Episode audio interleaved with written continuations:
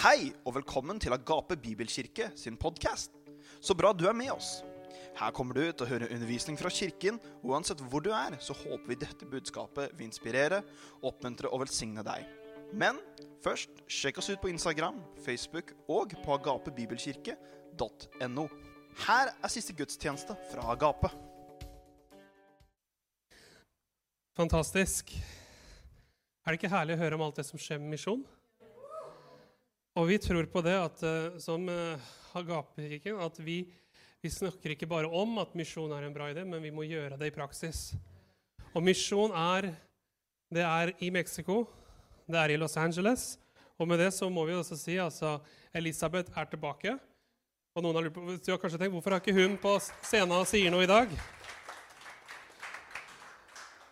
Og det kommer en søndag veldig snart, at dere får høre litt fra henne. Men vi tenkte hun skulle få lov til å hvile litt ut etter reise og alt mulig. Hun var her på ungdomskveld på fredag og, og delte da, så det var kjempeherlig.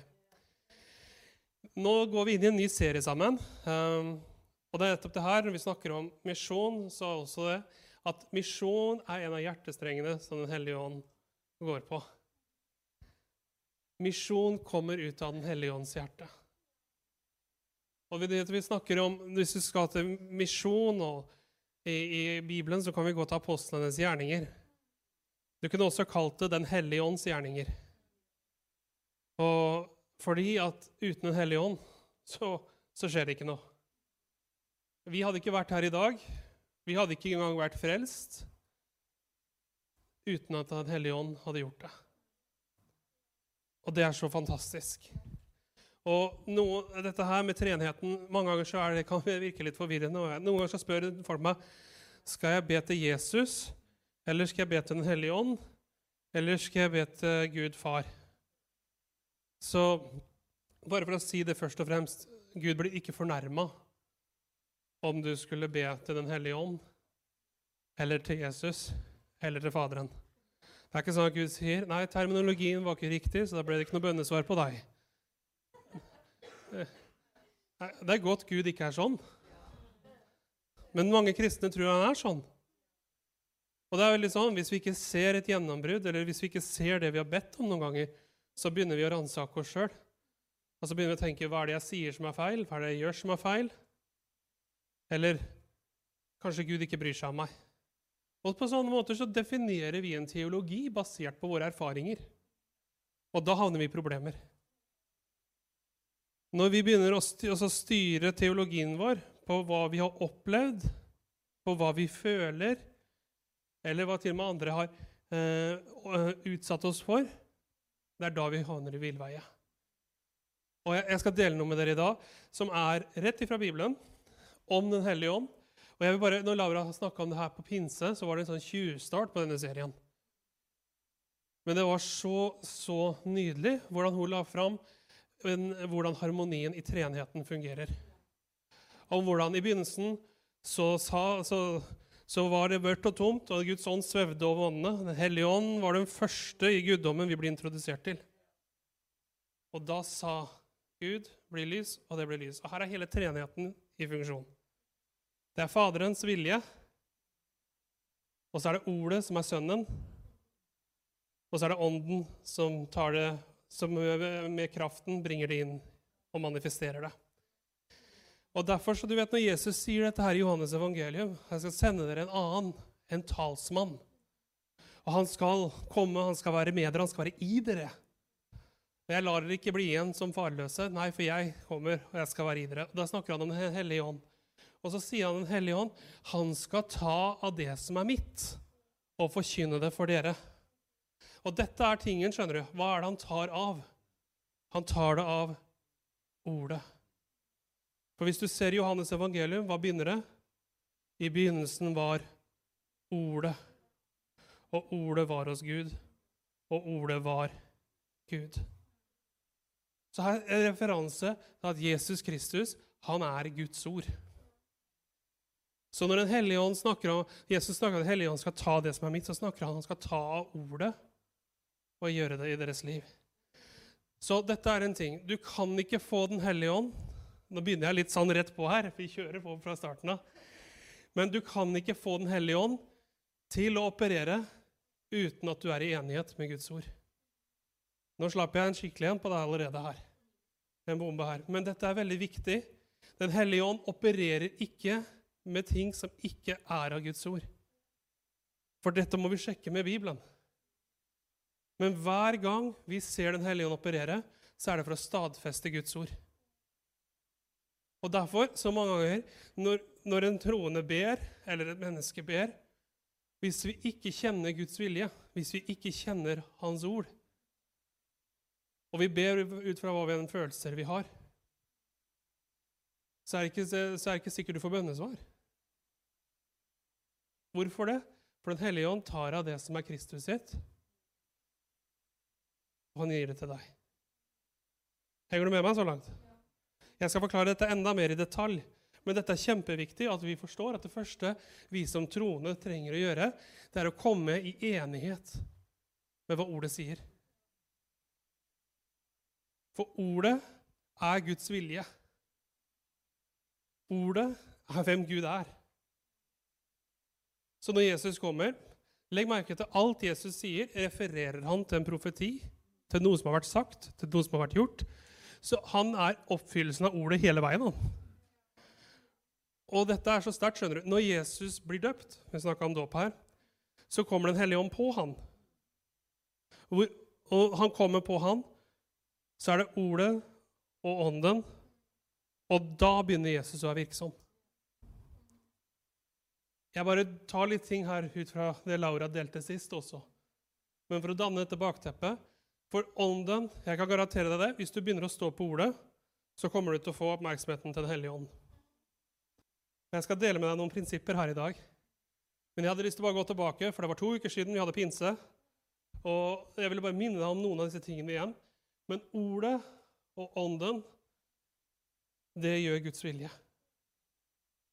Begge deler. Du kan ikke ha det ene uten det andre. Har du møtt kristne som sier jeg liker å holde meg til Bibelen, men jeg er ikke så sikker på Den hellige ånd? Eller jeg vil ikke lese Bibelen, men jeg vil ha ånden. Da har du et problem uansett hvilke grøfter. Uten ordet har du ikke ånden. Men vil du, ha, vil du ha ordet og ikke ånden, så får du heller ikke det. For ordet går foran med ånden. De hører sammen. Uten det så går det ikke. Det er akkurat som mennesket har blod i kroppen og vann i kroppen. Fjerner du en av delene, så dør vi. Dette er kjempe, kjempeelementært og viktig, men mange kristne er litt sånn at vi jeg, liker ikke det, eller jeg liker ikke det. Og vet du hvorfor folk tar avstand fra ånden? Det er fordi de har hatt en negativ opplevelse med noen som overdrev. Jeg har aldri hatt én en eneste negativ opplevelse med Den hellige ånd.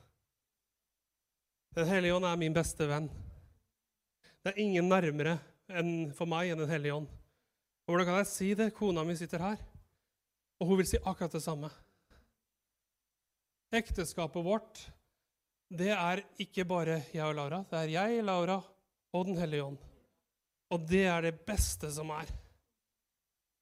Og derfor, min venn, når vi snakker om det her med Den hellige ånd, så det jeg har lyst til å dele med deg gjennom det her, er hvordan Den hellige ånd er arkitekten av våre liv. Hvis vi lar han. Fordi han har en fantastisk plan, et fantastisk design.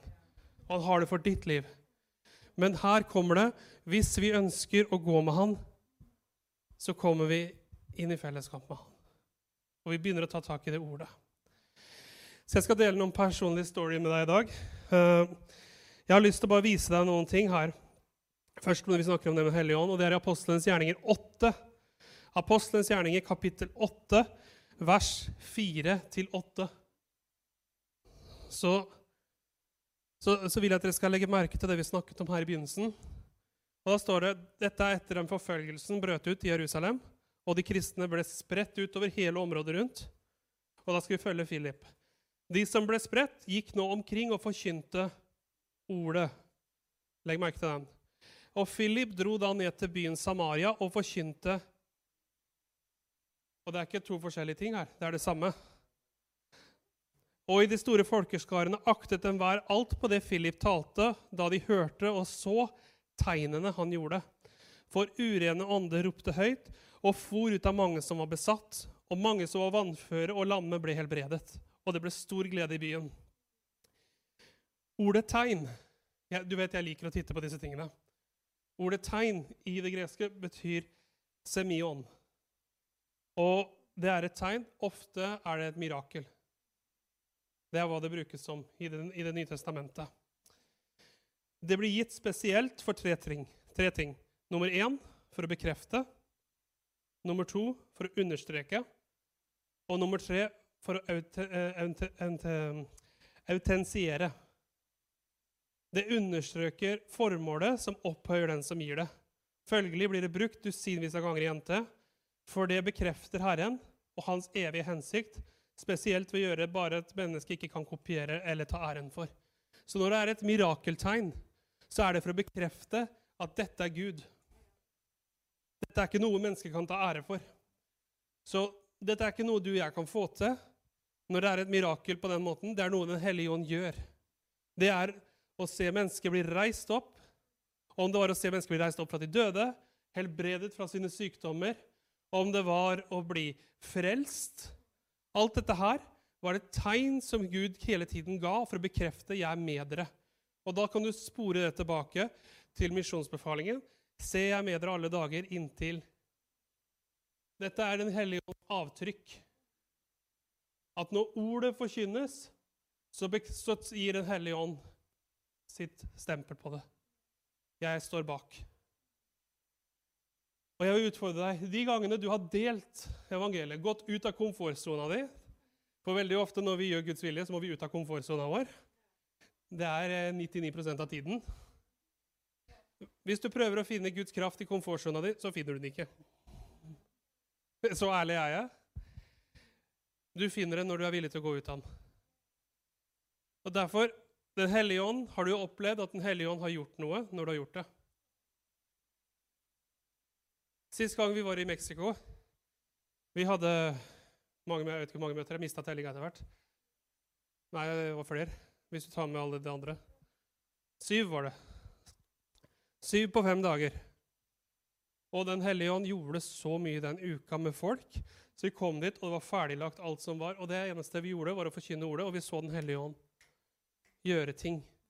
Og når du forkynner Guds ord, så begynner Den hellige ånd å ta det ordet og begynner å virke fram Guds vilje. Og det her jeg ser her, Philip han forkynte ordet, han forkynte Kristus, og tegnene kom. Og Det leder meg til det her, og det er nettopp det i Apostlenes gjerninger 1,8. Da sier Jesus, 'Men dere skal få kraft'. Når da? Når du leser nok i Bibelen? Når du går nok møter? Ikke misforstå, alt det er bra. Det er med på å få fokuset ditt på rett plass. Så du trenger å gå på møter, og du trenger å lese Bibelen, og du trenger det her. Men det er ikke for at Gud skal bli fornøyd, det er for at du skal bli fornøyd. du blir fornøyd når du går i Guds vilje. Men Jesus sier det, dere skal få kraft når Den hellige ånd kommer over dere, og dere skal være mine vitner i Judea, i Samaria nei, Først Jerusalem, Judea, Samaria og helt jordens ender. Det er det Jesus sier. Ja, han sender sin menighet ut for å forkynne, og han sier, men dere skal få kraft. Vent til Den hellige ånd kommer over dere. Vent til det blir fylt. Og når det skjer, så skal dere få kraft. Det ordet 'kraft' på gresk, det er ordet 'dynamis'. Og det er det ordet vi får dynamitt for. Dynamis. Og det refererer til en eksplosiv skaperkraft. Noe som er litt paradoksalt, fordi dynamitt skaper ikke annet enn, annet enn en eksplosjon. Men dynamis har skaperkraft. Og Den hellige ånds kraft er ikke Det ordet refereres til over 120 ganger i Det nye testamentet. Dynamis. Og det er hver gang du får en kraftdemonstrasjon av at enten folk blir reist opp fra de døde, at folk blir helbredet fra sin plage, at folk får se tegn og gjøre at de blir frelst. Og det står også når folk forkynte ordet, så kom dunamis med dem.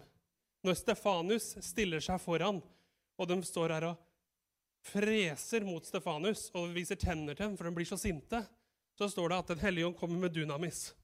Og han ser opp i himmelen og ser Se, jeg ser himmelen åpent, og Jesus står ved Faderens høyre hånd.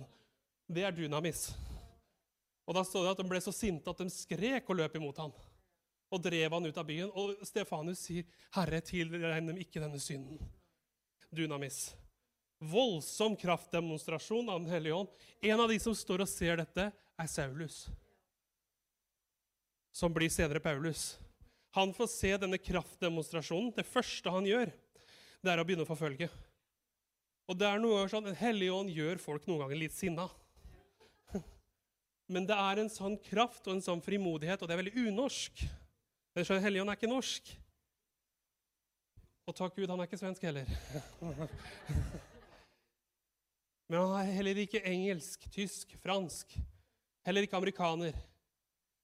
Men hellige ånd er fra himmelen. Så han er himmelsk. Og når han kommer, så er det med kraft. Og det, det Ordet dynamis det står i også Jeg syns det er så fantastisk, men i vers 19 og 20 i Efeserbrevet 1 så står det så nydelig at, at vi skal forstå hvor overveldende stor hans kraft, dynamis, er for oss som tror. Etter virkning av hans mektige kraft, dynamis. Og så hørte hør nå om den kraften. Det var den han lot virke i Kristus da han reiste han opp fra de døde og satte han ved, ved Faderens høyre hånd i himmelen. Det er den kraften som er virksom i menigheten fordi Den hellige ånd er der. Den hellige ånds dynamiskraft er det vi trenger i våre liv som menighet for å gjøre Guds vilje. For den, den kraften tar av det som kommer fra ordet, fra Guds vilje, og fører det inn i realitet. Venn, dette er så viktig at vi griper tak i. For uten kraft så vil ikke folk tro evangeliet. Hver gang et menneske tar imot Jesus, så er det Den hellige ånds gjerning. Du og jeg kan ikke frelse noen. Du og jeg kan ikke overbevise noen. Vi kan ikke fordømme folk nok eller eh, prøve å være snill nok til at folk blir frelst. Hvis ikke man blir født på ny gjennom Den hellige ånd, så er det ingen frelse. Og det skjer når et menneske kommer til tro. Men da er det den dynamiskraften som føder deg på ny. Er ikke det fantastisk? Jeg elsker dette emnet her. Og derfor så Det tredje ordet er også Jeg bare siterer 1. Korinterne 4,20. Så står det sier Paulus, for Guds rike består ikke i ord, men i kraft. Det er ikke bare prat, men det er dynamis. Og det fjerde Og dette er grunnen eh, dette er grunnen til at mange, mange av oss noen ganger vi går og så vil. Jeg har bare lyst til å sitere det, for her kommer dynamis igjen. skjønner du. Og det er i Matteus 22, 29.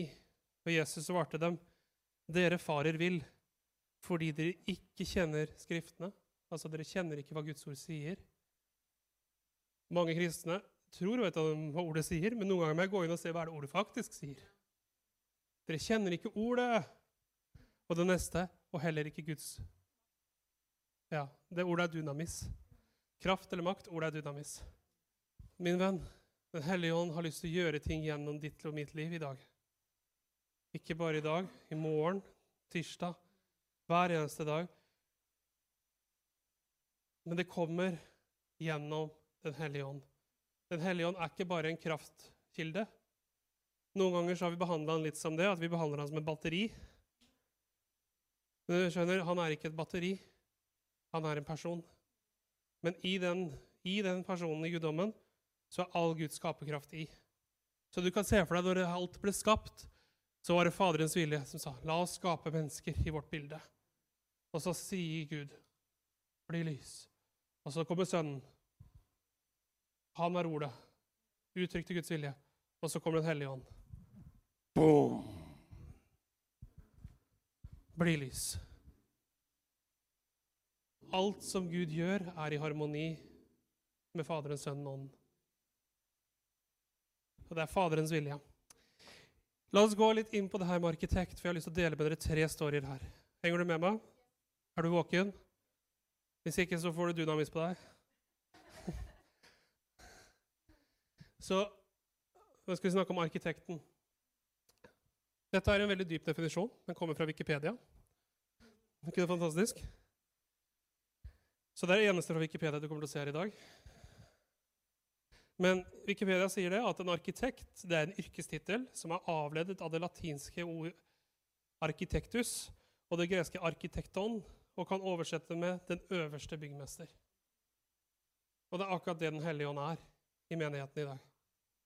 Han er den øverste byggmesteren for sin menighet. Og det skal vi se på. Tre livsforvandlende situasjoner som, en, som gjorde at verden ble forvandla i Bibelen. Alle disse tre finner du i apostelens gjerninger. Og det her er litt sånn, Jeg vil bare oppmuntre dere, fordi dette er tre ganger, men det er små grupper. Det er ikke store grupper som kommer sammen. Den første storyen kan vi lese i Apostlenes gjerninger, kapittel 10. Og Jeg kommer ikke til å lese hele, for det er hele kapittelet. Så du kan slå det opp, og så skal du følge storyen som jeg tar deg gjennom det og prater. Men i Apostlenes gjerninger, kapittel 10, så vil du lese om eh, nettopp Peter og en mann som heter Kornelius. Fram til apostelens gjerning i kapittel 10 så var budskapet, evangeliet, det var kun for jødene. Med andre ord, det var ingen nordmenn og svensker i den menigheten i Jerusalem. Det var kun jøder. Men Israel var fullt av hedninger også. Det var masse romere der. Men det var også handelsfolk fra både Egypt, fra Hellas, fra, fra Syria, fra mange nasjoner rundt. Så Jerusalem det var en åndelig hovedstad, men det var også et handelssentrum på den tiden for den regionen.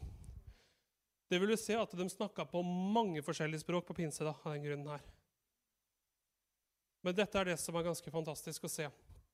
At For jødene så var det sånn Moseloven tilhørte bare dem. Og da tilhørte også evangeliet bare dem. Det var sånn de tenkte. Og så En dag så får en mann som heter Kornelius, et syn. Han ser en engel som kommer til ham, og så sier Kornelius, dine bønner har blitt hørt. Faktisk det står Kornelius lovpriser Gud. Men han er romer. Men han lovpriser Gud. Og så sier eh, engelen til ham, hent en mann som heter Peter. Han er hos garveren Simon. Han skal fortelle deg hva du skal gjøre. Ok, da må vi finne han, da. Så da sender han tre menn for å finne Peter. Mens dette skjer, så er Peter på taket og ber. Og han får et syn fra himmelen. Han ser en duk komme ned med all verdens dyr på. Så sier stemmen til han, 'Slakt og spis, Peter'. Og dette må du forstå konteksten. For jødene kunne ikke spise hva som helst. Veldig strenge matregler. Det var visse typer kjøtt de ikke kunne spise. Og vi kunne ikke blande bl.a kjøtt og meieriprodukter. Jeg husker jeg var i Israel, fikk ikke lov å kjøpe burger og milkshake på en gang. Det gikk ikke. Så sa jeg men jeg er født på ny hedningkristen, så jeg, jeg er fri fra loven, sa jeg til dem. Og da fikk jeg lov å kjøpe milkshake hvis jeg kom tilbake etterpå. Måtte bare sette fra meg burgeren. så det, litt moro må vi ha, da. Så sa jeg 'Jesus er min frelse', sa jeg til dem da. Og da lo de, da. Så, men Israel vet hva det er, ikke sant? Men du får ikke lov til å gjøre Det er ganske strenge skikker rundt dette med mat. Så når Gud sier dette til, til Peter, så det første Peter tenkte at dette kan i hvert fall ikke være Gud. Jeg, jeg har aldri i evighet spist noe som er urent. Så kommer stemmen. Det Gud har renset, skal ikke du kalle urent. Dette er Den hellige ånd som viser. Og så, så, så står det, så sier Ånden i vers 19 eh, og 20 så står det Peter grunnet på synet han satt og tenkte, så sier ånden, tre menn leter etter deg. Reis deg og gå ned og bli med dem, uten å tvile på noe av dette. Det er ganske spesifikk beskjed. Peter, opp og stå, ut og gå. Og det står faktisk at Peter er fortsatt ikke satt på dette mens han går med disse tre mennene. Han går igjen, Dette er en romersk familie. Romerne det blir tilsvarende nazistene i Norge under andre verdenskrig. Og han går hjem til dem. Og Peter hører, og så sier han, 'Nå forstår jeg at Gud ikke gjør forskjell på noen som helst.' Men uansett hvor du kommer fra, hvem du er, så er dette for deg. Og Peter han sier det i vers 36-44. Ordet Gud sendte til Israels barn for å forkynne fred ved Jesus Kristus. Han er alles herre. Det ordet kjenner dere, og dette ordet nådde utover hele Judea, og det begynte fra Galilea etter dåpen Johannes forkynte, hvordan Gud salvet Jesus fra Nasaret med Den hellige ånd og kraft, han som gikk omkring og gjorde godt, og helbredet alle som var undertrykt av djevelen, for Gud var med ham. Vi er vitner om at alt han gjorde, både i jødenes land og Jerusalem, han de drepte, var henge på et tre. Han oppreiste Gud på den tredje dagen og lot han vise åpenlyst, ikke for hele folket, men for de vitner som på forhånd var utvalgt av Gud. For oss, vi som spiste og drakk med han etter han sto opp fra de døde, han påla oss å forkynne for folket. Og det å vitne at, det er han som av Gud er bestemt å være dommer over levende og døde. Om han vitner også alle profetene, at hver den som tror på han, skal få syndenes tilgivelse ved hans navn. Mens Peter talte disse ord, ennå talte disse ord, så falt Den hellige ånd på alle som hørte ordet. Wow! Da står det at de andre de blir så redde, de som reiser med Peter. Jeg skal bare for, forstå kulturell konteksten. Jøder kunne ikke engang gå under det taket og spise sammen med romere. Kunne ikke det. Det var, det var synd i deres tanke. Så at Peter helt tatt går inn der, det er så vidt han går inn etter at Gud gir ham et syn fra himmelen. Og Den hellige ånd sier, 'Ikke noe tvil, gå inn'. Og Peter går inn, og så Litt motvillig, tror jeg, men han forkynner ordet, og så kommer Den hellige ånd. Og boom! Og så står hedningene foran ham. romerne, nazistene, står og taler i tunger foran hans øyne. Det er ganske heftig. Henger, henger du med meg her? Hvordan Den hellige ånds kraft Dette er dynamis. Og Det første er, som vi ser her Og det var det første punktet, nettopp hent. Hva var det Den hellige ånd sa? Hva var det engelen sa til Kornelius? Hent Peter. Kornelius hadde her et valg. Men han valgte ok, jeg gjør som sine. Hent Peter. Han visste ikke helt, han visste han cirka hvor Peter var, men han hadde aldri møtt Peter. Han hadde sikkert aldri hørt om Peter. Men her kommer Peter. Den neste storyen Jeg skal summere det opp på en nydelig måte her. Men det det gjør her, er at evangeliet er ikke lenger bare for jødene. Her sprer det seg over den første grensa. Det er en tydelig skillelinje som Den hellige ånd boom, blåser gjennom og tar evangeliet til, til romerne. Det neste er i Apostelens gjerning kapittel 13. og Jeg kunne gjerne også tatt den til, men jeg ville ta den her. For dette er en av de store definerende øyeblikkene i den tidlige menighetens historie. Og Da står det at eh, i menigheten i Antiokia var det profeter og lærere. Barnabas, Simeon, som ble kalt Niger, Lukius fra Kyrene, Manaen, som de oppfastet sammen med fjæringsfyrsten Herodes, og Saulus. Mens de tjente Herren og fastet, så sa Den hellige ånd.: Ta ut for meg Barnabas og Saulus den gjerningen jeg har kalt dem til. Etter å ha fastet og bedt og lagt hendene på dem, så sendte de dem av sted. Da de slik var sendt ut av Den hellige ånd. Så dro de til Selevkia og Derfor seilte de til Kypros. Da de kom fram til Salamis, forkynte de Guds ord i jødenes synagoger. Da hadde også Johannes med som, eh, som hjelper. Dette er det neste. Dette her er misjonsreisende. Så Jeg vil at du skal ta storyen her nå først. ikke sant? Først så var evangeliet kun basert i Jerusalem. Så bryter en forfølgelse ut. Så blir det spredt rundt, men apostlene er fortsatt i Jerusalem og i området rundt. Det er den første barrieren. At evangeliet kommer ut av Jerusalem, og det er Den hellige ånd som begynner å virke gjennom dem og forkynne rundt. Og Philip går ned til Samaria, og osv. Så, så, videre. så skjer det her med Peter, med Kornelius.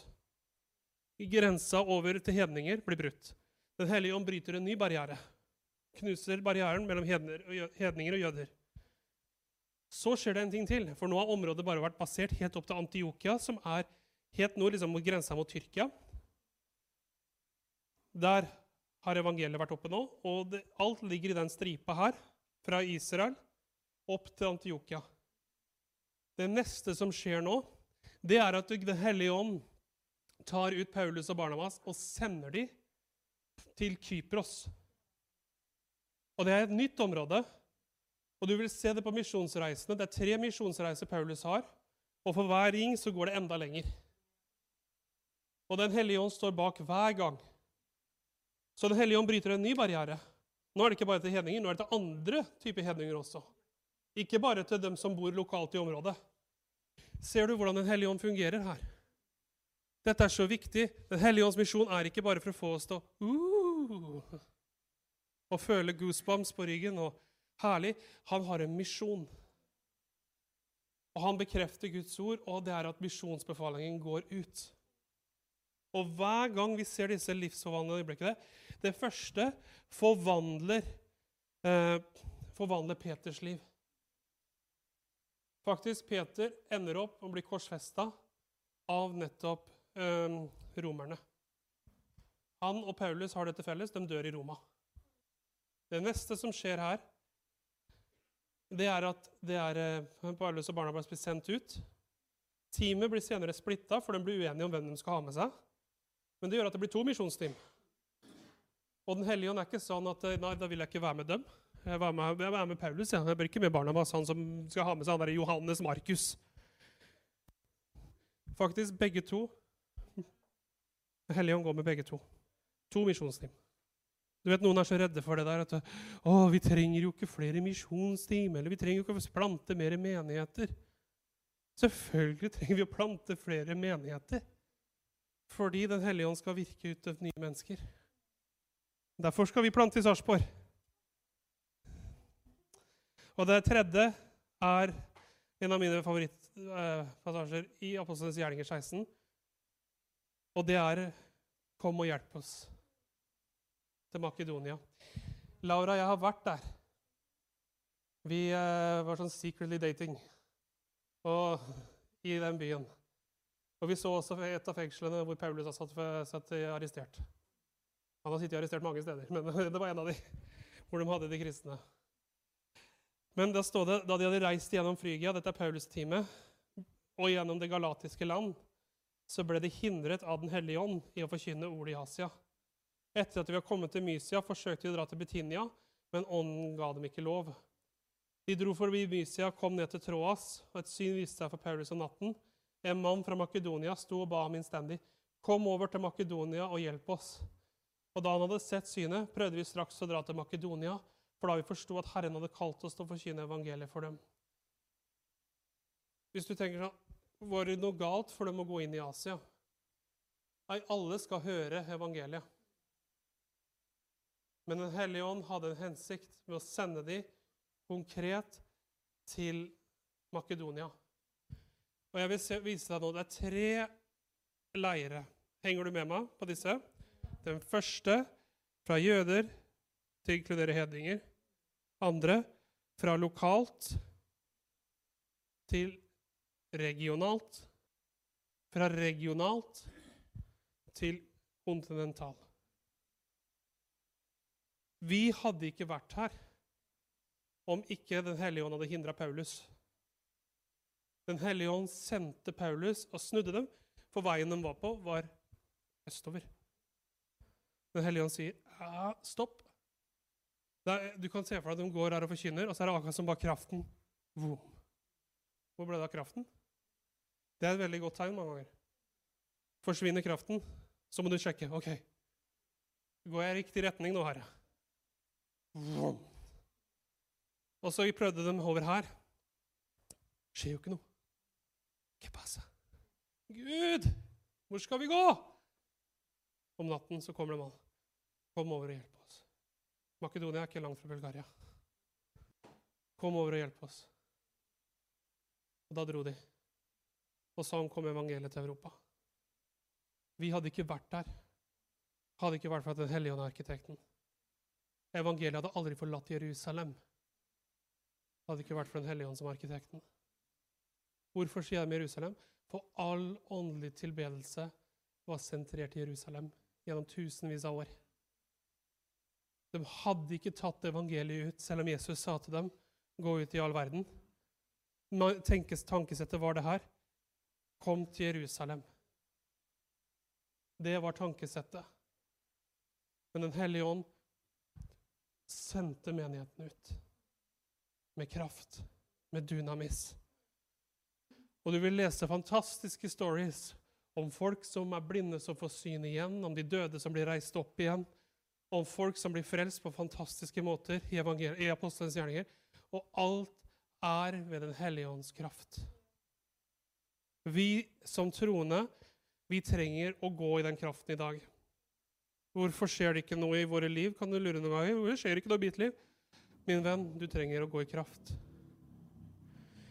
I, det er for en tid som denne. Og det er, liksom det, det er det at jeg, jeg ser Den hellige ånd mange ganger leder oss til sånne øyeblikk i livet.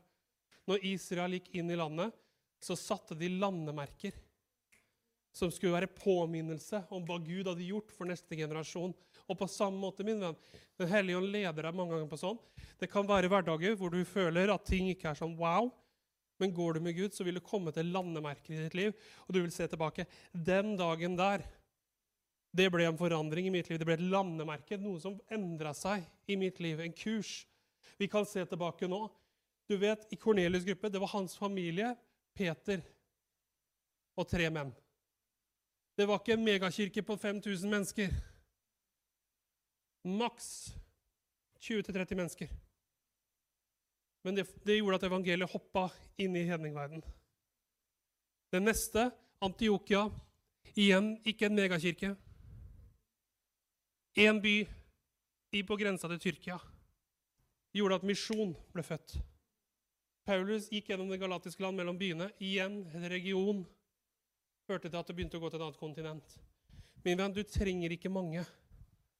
Den hellige om Paulus sitt team var kanskje fem-seks stykker som reiste sammen. Og Gud sa, 'Snu, gå til Makedonia'. Antall har aldri vært Guds krav for at han skal gjøre noe. Tilgjengelighet, derimot, og lydighet får du takke være vi deler med deg her i dag. Jeg danner fortsatt grunnlaget for det her. Men jeg vil dele med deg tre stories, historier om hvordan Gud skapte en retningsendring. Og Jeg vil gjøre den litt personlig, for vil, det er fra mitt liv jeg deler. Men vi kan få det med norgeskartet på. Og Da var jeg ca. 16-17 år. Og Gud hadde et syn. Jeg hadde tatt et valg og gå med Jesus. Men en natt så viste Gud meg et åpent syn. Det var ikke en drøm, for jeg var våken, og jeg så norgeskartet. Og jeg så en ild som ble planta i Rakkestad. Og den ilden spredte seg i området her i fylket, og deretter til Norge og inn i Europa. Og den dagen der så endra livet mitt kurs. Og det hadde ikke noe med det, det Øyvind skal gjøre. Nei, det er det Den hellige ånd skal gjøre i denne tiden, og du skal være med på det. Ikke sant? Dette er det vi skal være med på som Agapekirken, og flere som Gud bruker i denne tida men det er hva Den hellige ånd kunngjorde for meg den gangen. Dette er hva jeg skal gjøre.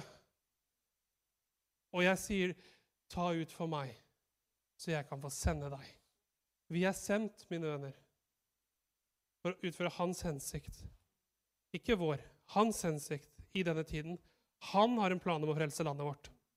Det er ikke vår plan Den hellige ånd skal stadfeste. Han skal frelse landet vårt.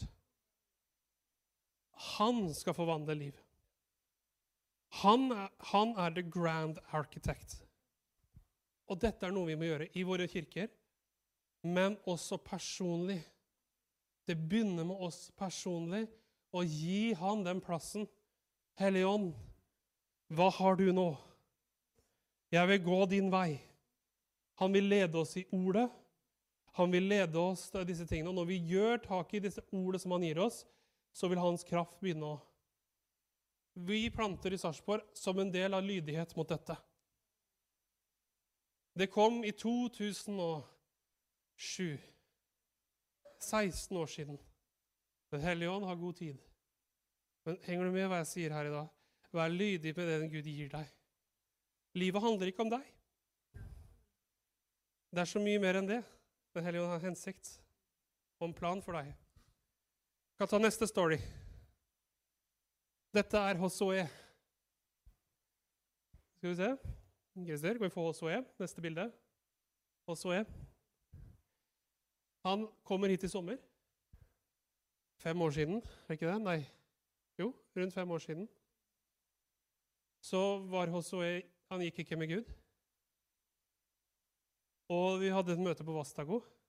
Det var i den tida vi skulle gifte oss. Ja, det er fire år siden. Det var rett etter vi hadde gifta oss. eller noe sånt, rundt den tida. Eller rett før. Litt over fire år siden. Men Hosoe Han hadde ennå ikke tatt imot Jesus. Og han, han drev med festing, han drev med ting han ikke burde. Og han ville ikke gå med Gud, og moren hans ba innstendig for ham. Disse, disse mødrene har bønn av kraft. Jeg er et av de resultatene, og så er jeg et annet. Så mødre, ikke slutt å be for barna. For det er kraft når du gjør det. I hvert fall når du timer det opp med Guds ord og Guds ånd. Da skjer det veldig mye. Men også jeg er på møte den dagen i Vastagon når vi er der. Og jeg, jeg husker ikke hva jeg sa til han. Men Den hellige ånd ga han noe som snudde livet hans rundt den dagen. Og så er han er leder lovsang, en av de som leder lovsang i Vastagon nå, på ungdommene. Så. Men han er også en influenser. Og han deler evangeliet på YouTube, på TikTok, og har Jeg husker hvor mange følgere han hadde. Det var en del tusen. Ja, 100 000 følgere. Se hva Den hellige ånd kan gjøre med en person. Den dagen så jeg sa ok, Jesus, jeg gir meg til deg, og se hva som har skjedd med han. Du får møte oss nå i sommer. Men det er så sterkt å se hva Gud har gjort gjennom hans liv. Men min venn, kommer du tak i Guds ord og det han har for deg, det er ikke grenser for hva Den hellige ånd kan gjøre gjennom deg. Og jeg husker, En ting jeg husker, han var redd for å stå fram som kristen. Og nå har han 100 000 følgere på TikTok. og forteller til mange ikke-troende om hva Jesus har gjort i hans liv. Wow. Så det er helt fantastisk. Det er to av dem i Vastago. Det er én til, og andre kommer òg. Andre influenseren. Og har nå rundt det samme antall òg. Et par hundre tusen pluss minus. Og det er to av de der. De er helt, helt ville. Og de tar evangeliet på TikTok. Så fantastisk. Et ord fra Gud endret livet hans. Og så skal jeg dele dette eksempelet her. Og det her er litt som du kan tenke, Jeg har delt denne storyen før. Men det er litt yngre og litt lettere. Dette er faktisk i Tessaloniki, der evangeliet kom over. Så Makedonia da var jo Hellas i dag. Men Tessaloniki var der vi var da. Men året før så møttes vi på München. Jeg, jeg, har delt historien på det, men det er så hellig ånd i den historien. Og det er for en tid som denne. Fordi Gud hadde forberedt meg til i seks måneder før sagt at jeg skulle møte kona mi. Og alt det der. Og det er veldig morsomt, hele storyen. Men vi hadde et tre timers vindu å møtes på, og jeg hadde heller ikke pengene til å dra. Og jeg får lov å si Nils kjente seg minna, og han gikk inn og betalte reisa mi, så jeg kunne dra. Jeg flyr inn, eller jeg flyr inn hvert av hele uka, og Gud har bare sagt 'Nå kommer det, nå kommer det, nå kommer det'. Og siste dagen så tenkte jeg 'Hva kommer nå?' tenkte jeg. jeg skal dra om noen timer. Og så tre timer er vinduet. Så går Laura inn i rommet, så sier Den hellige ånd 'Der er hun. Der er hun.' Stort fra Gud. Men det ble et livsendrende øyeblikk for meg personlig. Men så ser jeg også hva vårt liv sammen, tjenesten vi gjør, også gjennom DCPI og her, men også her i Rakkestad, hva det også har betydd at Laura har kommet hit, for menigheten og for bygda. Det er disse tingene Den hellige ånd gjør. Ja, vi ble forelska, alt det, men vi kjente også at det var, det var virkelig Gud som hadde planlagt det. Og derfor så, du vet, Når Gud gjør ting, det berører oss personlig. Og det berører ut også rundt oss, ikke bare oss personlig. Noen tenker at fordi det berører en personlig, så betyr det ikke noe for noe mer. liksom. Det er veldig norsk å tenke sånn. Men når Gud berører oss, så berører han oss både personlig, men det vil også være en velsignelse for andre. Er dere glad Laura kom hit? Ja, jeg tror det er svar på det. Og det hadde ikke skjedd uten Den hellige ånd. Jeg hadde ikke kommet dit uten at Den hellige ånd hadde lagt på hjertet til Nils. Og Gud forberedte meg seks måneder før, så jeg skulle vite at det var han som når tiden var inne. Dette er så viktig. Det, tenker du det handler om ektefellen? Nei, det handler om hva Den hellige ånd vil gjøre i ditt liv. Men ingen av de tinga kom jeg skal dele det, før jeg sa til Den hellige ånd jeg vil ikke ha noen annen enn den du har for meg. Dette er nøkkelen. overgi det du har til Den hellige ånd. Hellige ånd, jeg vil ha din plan for mitt liv, for min familie. Jeg vil ha det ordet du har for meg for neste sesong. Hvis jeg spør deg, hva har du for neste sesong i ditt liv? Noen vil si, jeg vet, for Gud har talt til meg et ord. Fantastisk. Stå på det ordet. Tal det ut. Kom i enighet med det. Men vet du ikke hva Gud har for deg? Gå inn og si, Helle, eh, si noe, Hellige Ånd, jeg vil ha et ord. Hva har du for meg nå? Hva har du nå for min familie? For mine barn? Hva har du for framtiden vår? For menigheten? Herre, hvordan vil du bruke meg i menigheten i neste sesongen? Ja, men jeg er bare for å høre. Ja, men høre skal resultere i et eller annet, skjønner du. Den hellige ånd har noe mer for deg. Han vil bruke deg i Rakkestad, i Sarpsborg, i Europa, til Japan. Jeg deler dette med deg fordi jeg vet at Den hellige ånd han vil så gjerne bruke ditt liv til Guds hensikt. Men når han gjør det, så vil du også få det du trenger gjennom han. Det er så mange ganger at jeg bare måtte slippe tak og si Vet du hva, Gud, jeg overgir det til deg. Og så skjer det. Men hvis jeg står sånn 'Jeg vil ha det, Gud. Jeg tror, jeg tror, jeg tror, jeg, Vær så snill, kom igjen. Jeg skal tro, jeg skal det, jeg skal gjennom, jeg skal gjennom, jeg skal, jeg skal. Og så skjer det ikke. Og så blir vi sånn Gud hørte ikke, jeg trodde ikke godt nok, jeg fikk det ikke til, det var ikke bra nok. Men du trengte ikke å tro nok. Du trengte egentlig bare å overgi deg. For når du overgir deg og deg sjøl, så kan Helligånd jobbe. Å tro er å hvile på Guds ord. Å handle på Guds ord. Men det er en intern, det er en intern hvile som kommer av Han. Ok, jeg skal lande. Nå har jeg prekt veldig inspirerende her. Tusen takk for at du var med oss i dag. Vi vil gjerne høre fra deg og vite hvordan vi kan be for deg. Ta kontakt med oss enten via sosiale medier eller på nettsidene våre, så håper vi at vi ses ganske snart.